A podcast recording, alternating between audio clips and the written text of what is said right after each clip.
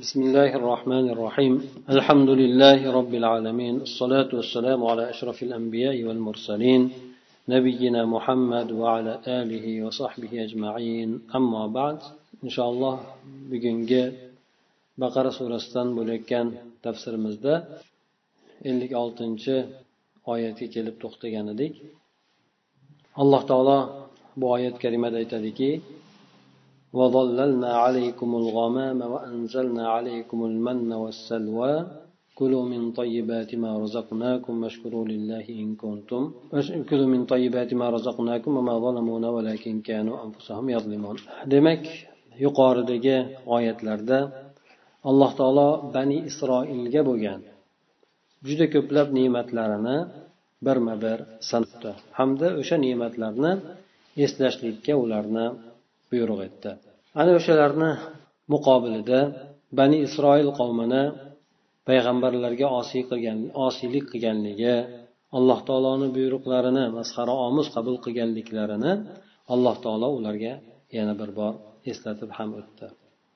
Shulardan mana ular sahroda bo'lib turgan paytida alloh taolo ularni juda ko'p ne'matlar bilan siylaganligi shu jumladan sizlarni tepalaringizga biz bulutni soyabon qilib qo'ygan edik deydi shuningdek biz sizlarga man ya'ni man degani asalga o'xshagan bir shirinlik bo'lgan narsa ekan. Shu narsani hamda salva bir kaklikka o'xshagan bir qush. Kaklik kaklik sifat bo'lgan bir qush. Shu narsalarni sizlarga biz nozil qilib turardik deb alloh taolo aytadi demak bu oyatda keltirilgan narsalar bani isroil uchun boshqa bir ne'matni ham eslatmasi bo'lyapti bular darbadarlik yerlarda ya'ni kuydiruvchi bo'lgan keng sahroda bo'lib turgan holatlarida alloh taolo ularga bergan ne'matlarini eslatib qo'yyapti أي تذكروا حين سترناكم من حر الشمس بالسحاب الذي ظللكم وأنتم تائهون في السهراء وأنعمنا عليكم بأنواع من الطعام من غير كد ولا تعب وهو المن الذي كان ينزل من السماء مثل العسل فيمزجونها بالماء ويشربونه وبالسلوى. أي بني إسرائيل قوم sizlar eslanglar. vaqtiki biz sizlarni quyoshni issig'idan tepalaringizga soyabon bo'lib turgan bulut bilan saqlagandek sizlarni to'sib qo'ygan edik deydi. Demak bilasizlarki sahroda bo'lib ham kunduz jazirama bo'ladigan bo'lsa issiq qattiq bo'ladi undan tashqari quyosh tepadan tikka urib turadi. Ana o'shanday bo'lib turgan paytida alloh taolo bularga o'sha darbadarlik yillarini darbadarlik yillari qirq yil davom etgan bularga. Ana o'sha muddatda alloh taolo bularni tepasidan bulutni soyabon qilib qo'ygan ekan. Qayerga boradigan bo'lsa sahroda yurishadigan bo'lsa tepasida bulut birga yurgan bo'lgan. Go'yoki soyasi ularni o'zi bilan birga bo'lgan. Alloh taolo ularga shunday ne'matni ato etganini aytyapti. Va yana sizlarga turli tuman taomdan bo'lgan ne'matlarni ham inom etib berdikki bu narsalarda sizlar hech qanaqangi mashaqqat ham chekmagansizlar qiynalmagansizlar ham. Bu asal misli bo'lgan osmondan tushib turadigan bir halvo edi. Uni ular suvga aralashtirishardilarda keyin ichishar edi. Bularga mufassillar aytishadiki ertalabda shu halvo kabi bo'lib turgan narsa ertalabda bularga tushar edi. Ular daraxtlarga yoki bo'lmasa o'sha atrofda bo'lgan joylarga tepaliklar bo'lsin o'sha joylarga tushar edi. O'shandan o'zlariga kerakli bo'lganini olishib olardi hamda o'sha suvga aralashtirib shu juda ham shirinlik bo'lgan bunday aytganda hop sharbat misoli yoki bo'lmasa judayam bir shirin chanqoqni ham qoldiradi qondiradigan ham bir tomondan taom bo'ladigan shunaqangi narsalarni alloh taolo ularga bergan ekan. Shuningdek yana kaklik kabi qushni ham sizlarga bergandik deydi. Bu ta'mi judayam lazzatli bo'lgan. Bilasizlar qush yengil ovqat bo'ladi lekin ta'mi shirin bo'ladi. Bo'lib ham o'sha kaklik go'shti judayam bir tansiq taom hisoblanadi. Bu narsani ularga alloh taolo kuniga bergan. Hech qanaqangi bular ishlamasdan qiynalmasdan alloh taolo tomonidan shu narsalarni ular qabul qilib olishgan. Summoniy degani o'sha kaklik deb aytilar ekan.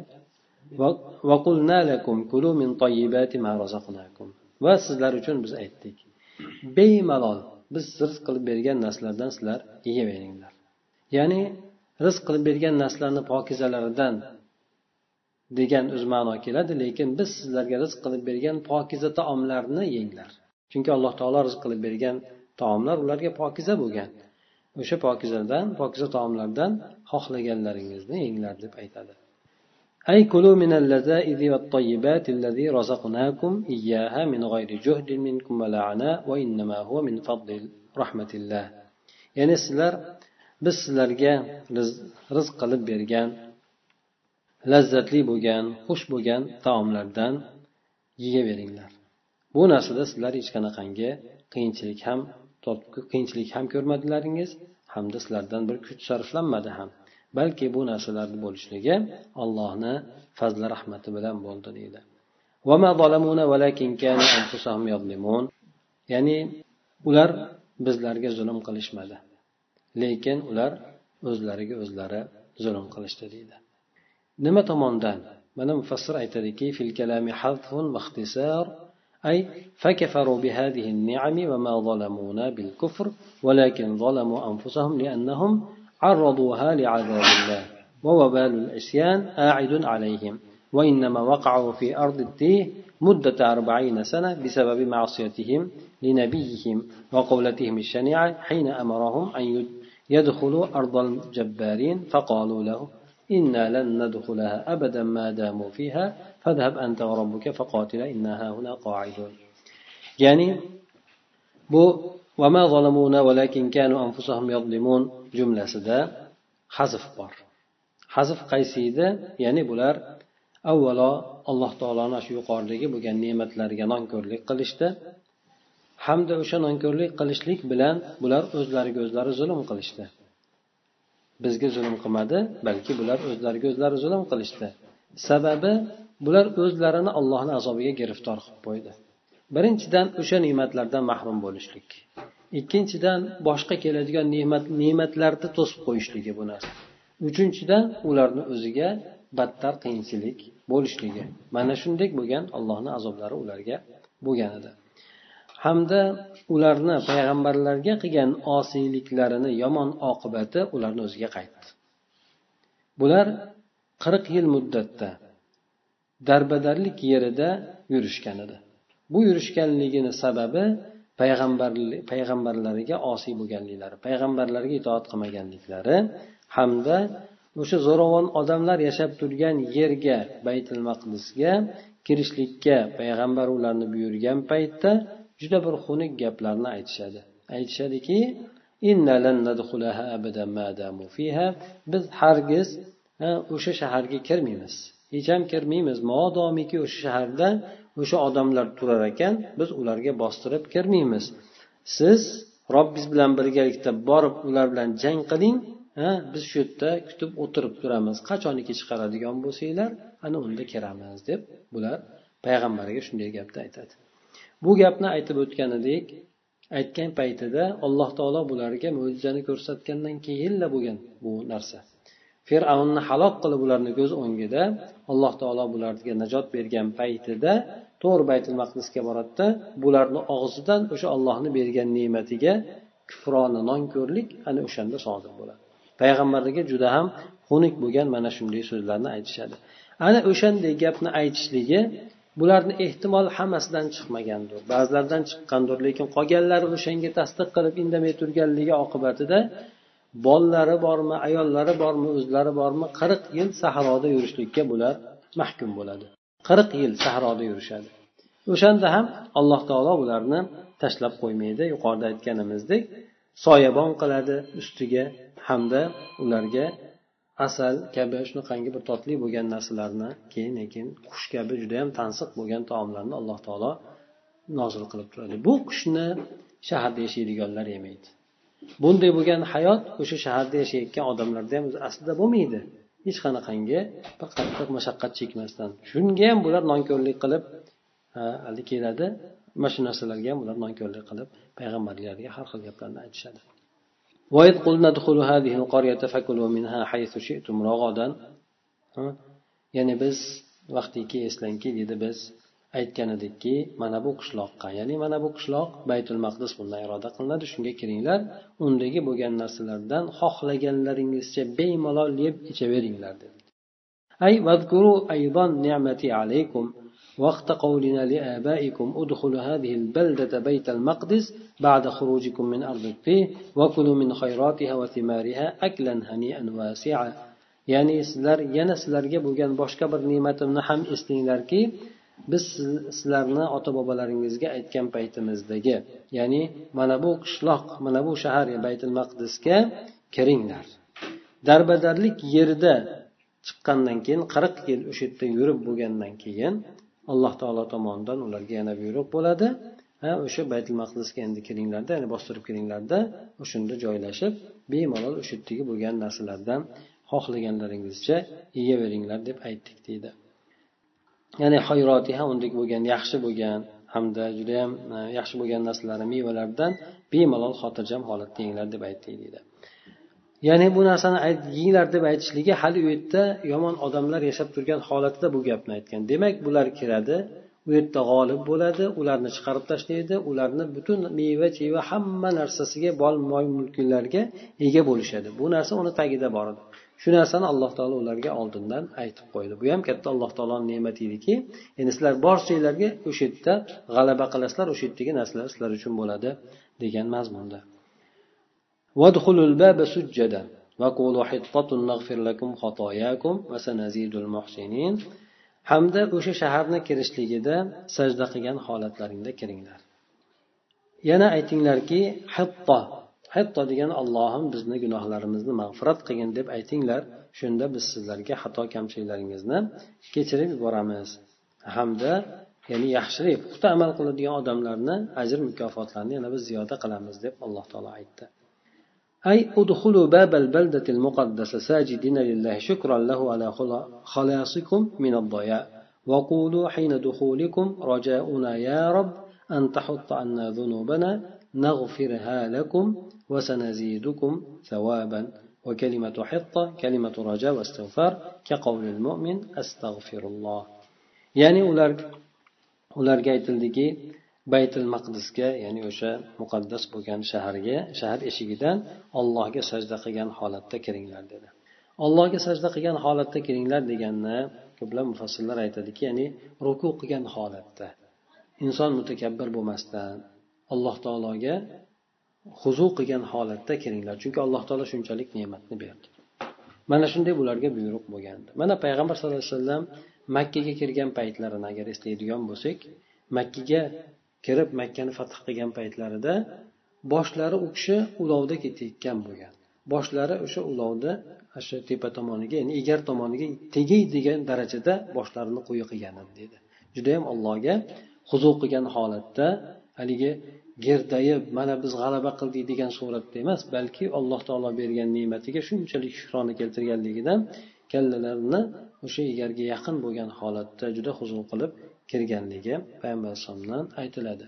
Mana shunday bo'lgan holatda bularga ham alloh taolo juda ko'p ne'matni berdi. Bu shaharga kirishlik ne'matini ham ato etdi alloh taolo. Shunda alloh taologa sajda qilgan holatda ya'ni ruku qilib alloh taologa huzur qilgan holatda kiringlar deb aytildi.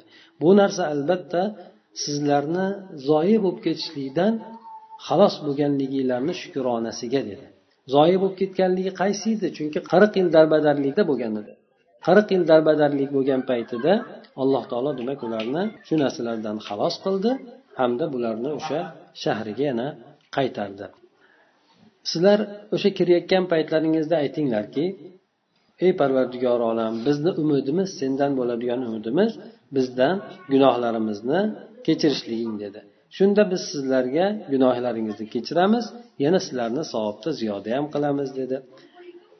Endi bu yerda hitto degan kalima vaqulu hitto degan hitto degan kalima bu umid qilishlik alloh taolodan istig'for so'rashlik kalimasidir. Xuddi mo'min odam astag'firulloh deb aytadigandek ular o'sha bani isroilni tilida hitto deb aytishar ekan. Go'yoki parvardigor olam bizdan gunohlarimizni kechirgin deb.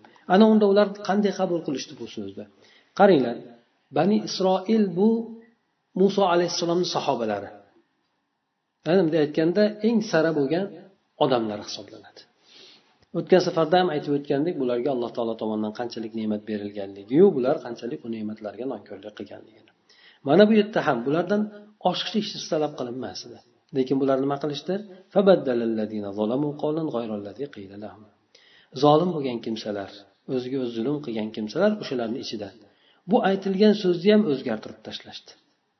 ya'ni غير هؤلاء السفهاء الظالمون المستهزئون بأوامر الله القول فدخلوا يزحفون على مقاعدهم بدل السجود وهم يقولون مستهزئين حنطة أو حبة في شعرة بدلا من حنطة ya'ni bu zolim bo'lgan ahmoq bo'lgan odamlar alloh taoloni buyruqlarini past nazar bilan qaraydigan mana bu ahmoqlar so'zni o'zgartirishdi bular sajda qilib ya'ni bo'yin egib kirishlikni o'rniga orqamachayiga sudralib kirishni boshlashdi. Ruku qilib haligi g'uzu qilib kiringlar degan o'rinda bular teskari machayiga orqasini qilib orqasida sudralib kirishdi. Keyin ular yana masxara qilgan holatda hitto deb alloh taolo bizni gunohlarimizni kechir deb emas balki hittoga yaqin bo'lgan so'zni ishlatib turib hinto ya'ni bug'doy yoki bo'lmasa bir arpani bir urug'i degan shunaqa gaplarni aytishib xuddi shu so'zni bunday deb istig'for aytib kiringlar desa istig'for emas istig'forni o'rniga shunga yaqinroq bir masxaromuz so'zni aytishib shunaqa qilib kirishdi.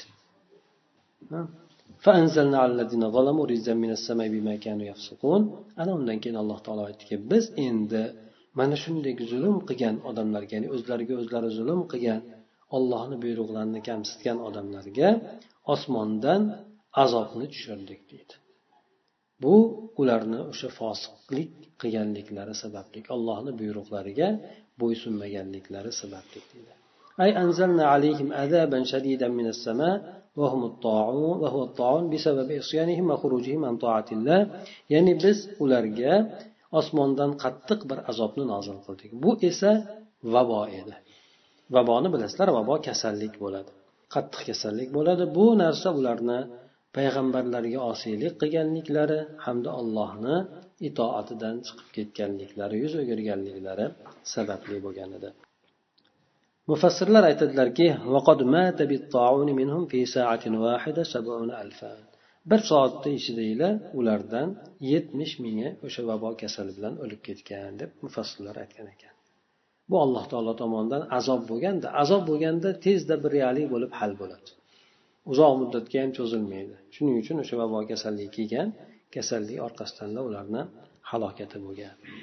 Shunchalik darajada demak bular payg'ambarlarga itoatsizlik qilishgan. Bulardan ortiqcha bir narsa talab qilinmaganda balki shuncha olloh bergan ne'matiga shukrona keltirishlikni talab qilganda. Shuning uchun bu ahli kitoblar xosatan yahudlarni ollohga qiladigan osiyliklari payg'ambarni ta'limotlariga bo'lgan osiyliklari chegarasi yo'q bularni shu narsasi hattoki hozirgachada o'sha ollohni dini bo'lgan islomga hattoki o'zlarini ham haqiqiy diniga eng qattiq bir dushman bo'lgan odamlardir bular وإذ استسقى موسى لقومه فقل نضرب بعصاك الحجر فانفجرت منه اثنتا عشرة عينا أي اذكروا يا بني إسرائيل حين طلب موسى من ربه السقيا لقومه فقلنا له اضرب بعصاك الحجر فتفجرت منه عيون الماء بقدر قبائلهم الاثني عشر وهذه إحدى النعم العظيمة عليهم حين كانوا في الصحراء.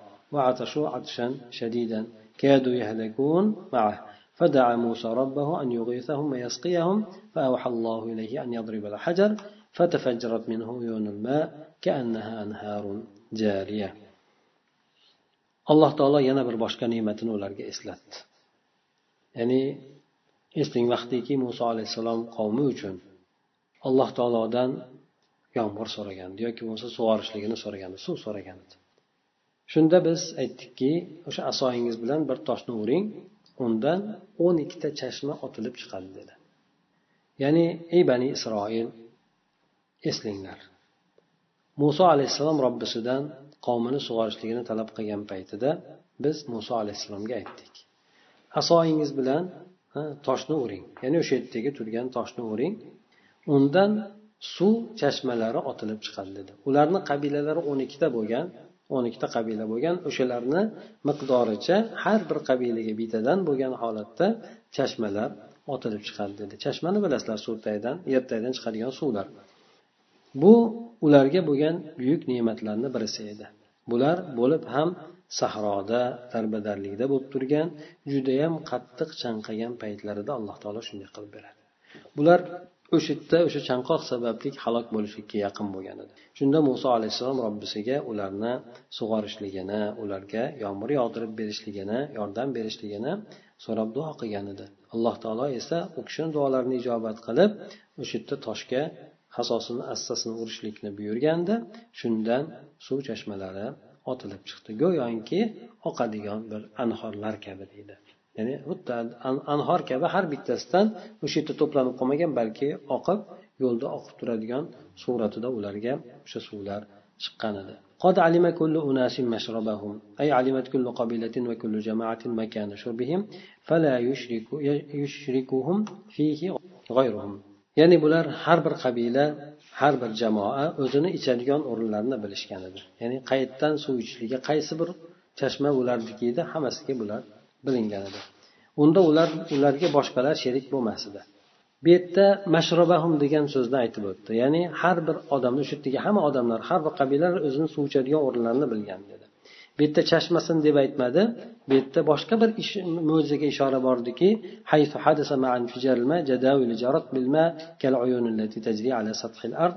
chunonchi bu yerda o'sha suvni yorib chiqishligi bilan birgalikda suvlarni oqizadigan ariqlar yoki ariqchalar bu yerda paydo bo'lgandi. Bular xuddi go'yoki yerni tepasida yuzasida yuradigan bir chashmalar kabi buloqlar kabi bo'lgan dog' chiqqandan keyin otilib chiqqandan keyin suv o'zini yo'lini topib ularga uzun bo'lib oqa boshladi. O'sha yerdan ular to'pol bunday bir biriga tiqilishmasdan har bir qabila bir biriga to'qnashmasdan ular har bittasi o'zi ichaveradigan bo'ldi.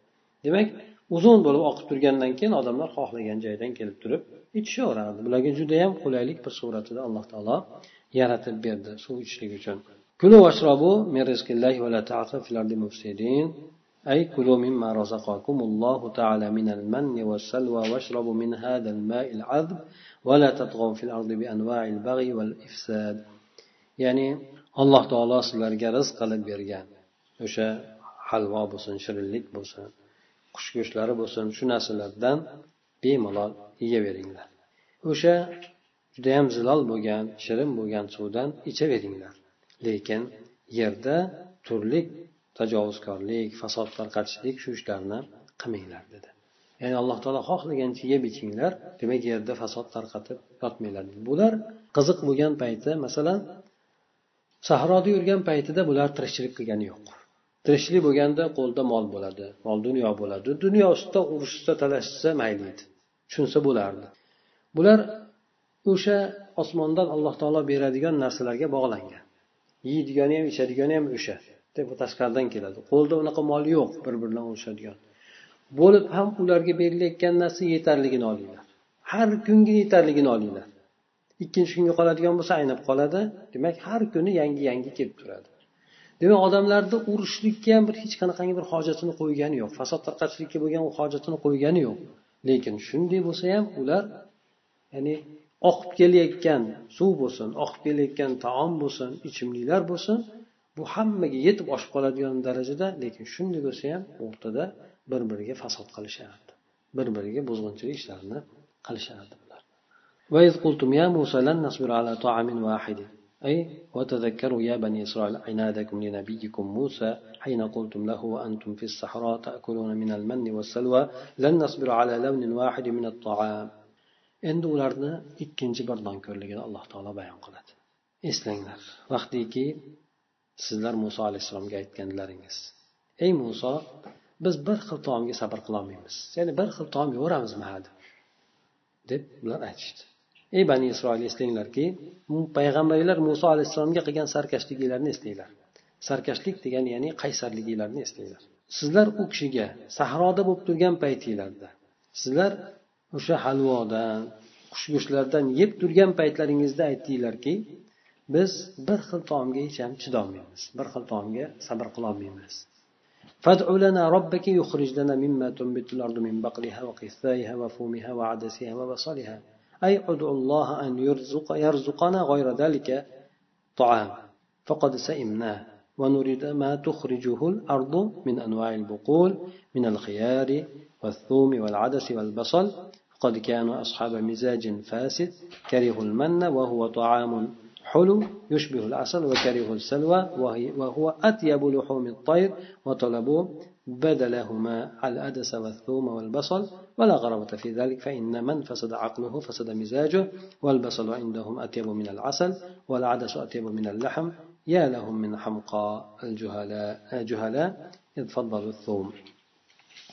yana aytadiki keyin bir xil taomga chidolmaymiz dedida muso alayhissalomga xitob qilishdi ey muso biz uchun robbingga duo qilgin dedi. Ey muso biz uchun robbingga duo qilgin. Ya'ni robbimizga ham emas. Ha sen robbingga duo qilgin. Yani shuncha yaxshilik qilyapti alloh taolo. Haliyam o'zlariga yaqinlashtirishmayapti. O'zlariga o'zlarini alloh taologa bir shukrona qilishmayapti. Shu suyumli bir tomonga yo'naltirishmayapti. Robbingga duo qilginki biz uchun yer chiqaradigan narsani ya'ni yer to'sadigan narsalardan bizga chiqarib bersin. Sahroda endi. Yer to'sadigan narsalar nima? Har xil ko'katlar. Hmm. Kashmish ukrop shunga o'xshagan salatga soladigan shunaqa ko'katlar baqilda shuni aytadi sabzavotlar yoki. Ya'ni badringlar sarimsoq piyoz adas. Adas degani bir no'xatda yanchilganida endi aytganda shuni yanchib yeyishadi hozir ham yeyishadi bu narsani. Basol piyoz. Mana shunaqa narsalarni bizga chiqarib bersin bizga bersin. Bu narsalardan to'ydik ya'ni xohlamaymiz deydi bir xil taomni xohlamaymiz dedi ya'ni aytishdiki bular alloh taologa duo qilgan. Bizga mana bu taomdan boshqasini rizq qilib bersin biz bundan zerikdik. Bezidik biz yer chiqaradigan yer to'sadigan turli shu ko'kat sabzavotlar mana shu narsalarni xohlaymiz. Badring bo'lsin sarimsoq piyoz bo'lsin yoki o'sha no'xat bo'lsin yo piyoz bo'lsin. Bular mana shunaqangi buzuq mijoz bo'lgan odamlar edi. E, ya'ni tabiati ham bular shunday buzuq ediki bular man degan narsani yomon yoqtirishmadi. Bu man nima edi? Bu asalga o'xshagan judayam totli bo'lgan taom shuni yoqtirishmadi.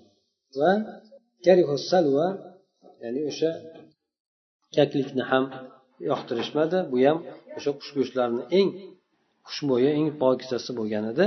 Bular buni o'rniga nimani talab qilishdi? O'sha no'xatni talab qilishdi sarimsoq piyozni piyozni talab qilishdi. Shuning uchun bu narsada ularga hech qanaqangi g'ariblik yo'q. Chunki kimni aqli buzuq bo'ladigan bo'lsa mijozi ham buzuq bo'ladi. Piyoz esa ularni nazdida asaldan ko'ra totliroq bo'lgan edi. Bu no'xat shunga o'xshagan narsalar esa qush go'shtidan ko'ra ularda nazdida totliroq ko'ringandi qandayam bular ahmoq johil bo'lgan odamlar bo'lmasa. Chunki ular bu yerda sarimsoq piyozni piyozni shunday halvoni ustida yoki bo'lmasa qush go'shtlarini ustida afzal bilishadigan bo'lsa. Shuning uchun ularga payg'ambari bularga bu ularni zavqidagi tam ya'ni tam totishligi yoki ulardagi bo'lgan shu e, buzuqlikni inkor etib payg'ambar aytdiki ularga قال أتستبدلون الذي هو أدنى بالذي هو خير أي أتستبدلون الخسيس بالنفيس وتؤثرون الرديء من الطعام على الجيد النافع sizlar judayam bir past bo'lgan narsani yaxshi ko'rasizlarmi nafis bo'lgan narsani muqobilda yoki bo'lmasa judayam nafis bo'lgan qimmatbaho bo'lgan nozik taom bo'lgan narsani shunday arzimagan bo'lgan narsalarga almashtirib yuboraverasizlarmi taomlardan judayam past bo'lganlarini foydali bo'lgan yaxshilarni ustida afzal bilasizlarmi deb aytildi sizlar xohlagan bir shaharlaringizga tushinglar xohlagan shaharlarga boringlar sizlar istayotgan so'rayotgan narsa o'sha joyda sizlar uchun bor dedi xohlagan shaharga boringlar xohlagan qishloqqa kiringlar sizlar so'rayotgan narsalar bor lekin ularda olloh berayotgan bu narsa yo'q dedi أي ادخلوا أي بلدة من البلدان لتروا فيها ما تحبون وتشتهون sizlar o'zlaringizga yaxshi ko'rayotgan ishtiho qilib xohlayotgan narsani ko'rishlaringiz uchun xohlagan bir shaharga kiringlar dedi قال تعالى في بيان مخازيهم وجرائمهم وضربت عليهم الذلة والمسكنة وباءوا بغضب من الله أي لزمهم الذل والهوان وضرب عليهم الصغار والخزي ورجعوا بصوت عظيم من الله يعني alloh taolo ularni bu sharmandaligini bu jinoyatlarini bayoni to'g'risida aytdiki ularga endi xorlik bechoralik shu narsa ularga bitildi Mana shu narsa ularni lozim tutdi. Ular demak doimiy suratda xorlikka shunaqangi nochorlikka yo'liqishadi. Hamda allohni judayam qattiq bo'lgan g'azabiga yo'liqishdi dedi. Ya'ni ularni xorlik bilan hokisorlik shunday e, xo'rlik mana shu narsalar lozim tutdi. Ularga esa sharmandalik pastlik mana shu narsalar ularga e, zarbul masal qilingan shu narsalar ularga e, urildi. Ya'ni shu narsalar ularni lozim tutdi degan ma'nosida hamda alloh tomonidan bo'lgan judayam qattiq bir g'azab bilan qaytishdi shu narsaga uchrashdi ذلك بأنهم كانوا يكفرون بآيات الله ويقتلون النبيين بغير الحق ذلك بما عصوا وكانوا يعتدون ular esa mana shunday holatga yo'liqishligi bu ollohni oyatlarini allohni oyatlariga kofir bo'lganliklari hamda payg'ambarlarni nohaqdan o'ldirganliklari sababli bo'lgan edi yana bular undan tashqari osiylik qilib tajovuzkorlik qilganliklari sababli bo'lgandi deydi أي ذلك الجزاء والعقاب بسبب عصيانهم وطغيانهم وكفرهم بآيات الله وقتلهم الأنبياء ظلما وعدوانا كان ذلك العقاب الشديد بسبب ما اقترفوه من الجرائم الشنيعة fi haqqillahi va ambiyaihi kirom. Ya'ni mana shunday bo'lgan jazo mana shunday bo'lgan uqubat ularni osiyliklari va tajovuzkorliklari haddan oshganliklari sababli bo'ldi. Alloh taoloni oyatlariga kofir bo'lganliklari payg'ambarlarga esa zulm qilib tajovuz qilib o'ldirganliklari sababli bo'ldi. Mana shunday qattiq bo'lgan uqubat azob ular sodir etgan judayam xunuk jinoyatlar sababli bo'lgandi. Bu jinoyatlarni ular ollohni haqqida ham ulug' payg'ambarlarni haqqida ham sodir etishgan deydi ibn masud roziyallohu anhu aytadilarki قاتل بنو إسرائيل في يوم واحد ثلاثة وأربعين نبيا ثم أقاموا سوق بقلهم أي فتحوا حوانيتهم من آخر النهار ya'ni bir kunni o'zida bani isroil payg'ambarlardan qirq uchtasini o'ldirishgan edi keyin o'zlarini shunaqa ko'kat bozorlarini ochishgan edi kunduzni oxirida deydi payg'ambarlarni o'ldirib kech paytga o'zlarini bozorlarini shunaqa narsa olib kelib sotadigan narsalarni ochishgan deb bu kishi shunday deb aytgan ekan.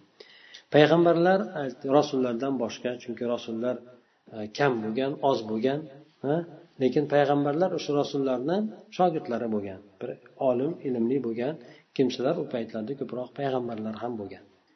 Ya'ni ana shunday bo'lgan odamlardan bani isroil ko'plab o'ldirib yuborganligi aytilyapti.